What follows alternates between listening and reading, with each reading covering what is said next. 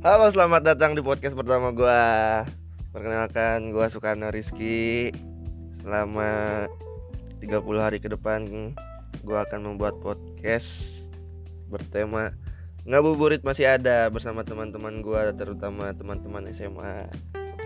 Saksikan terus, tunggu terus. Gokil.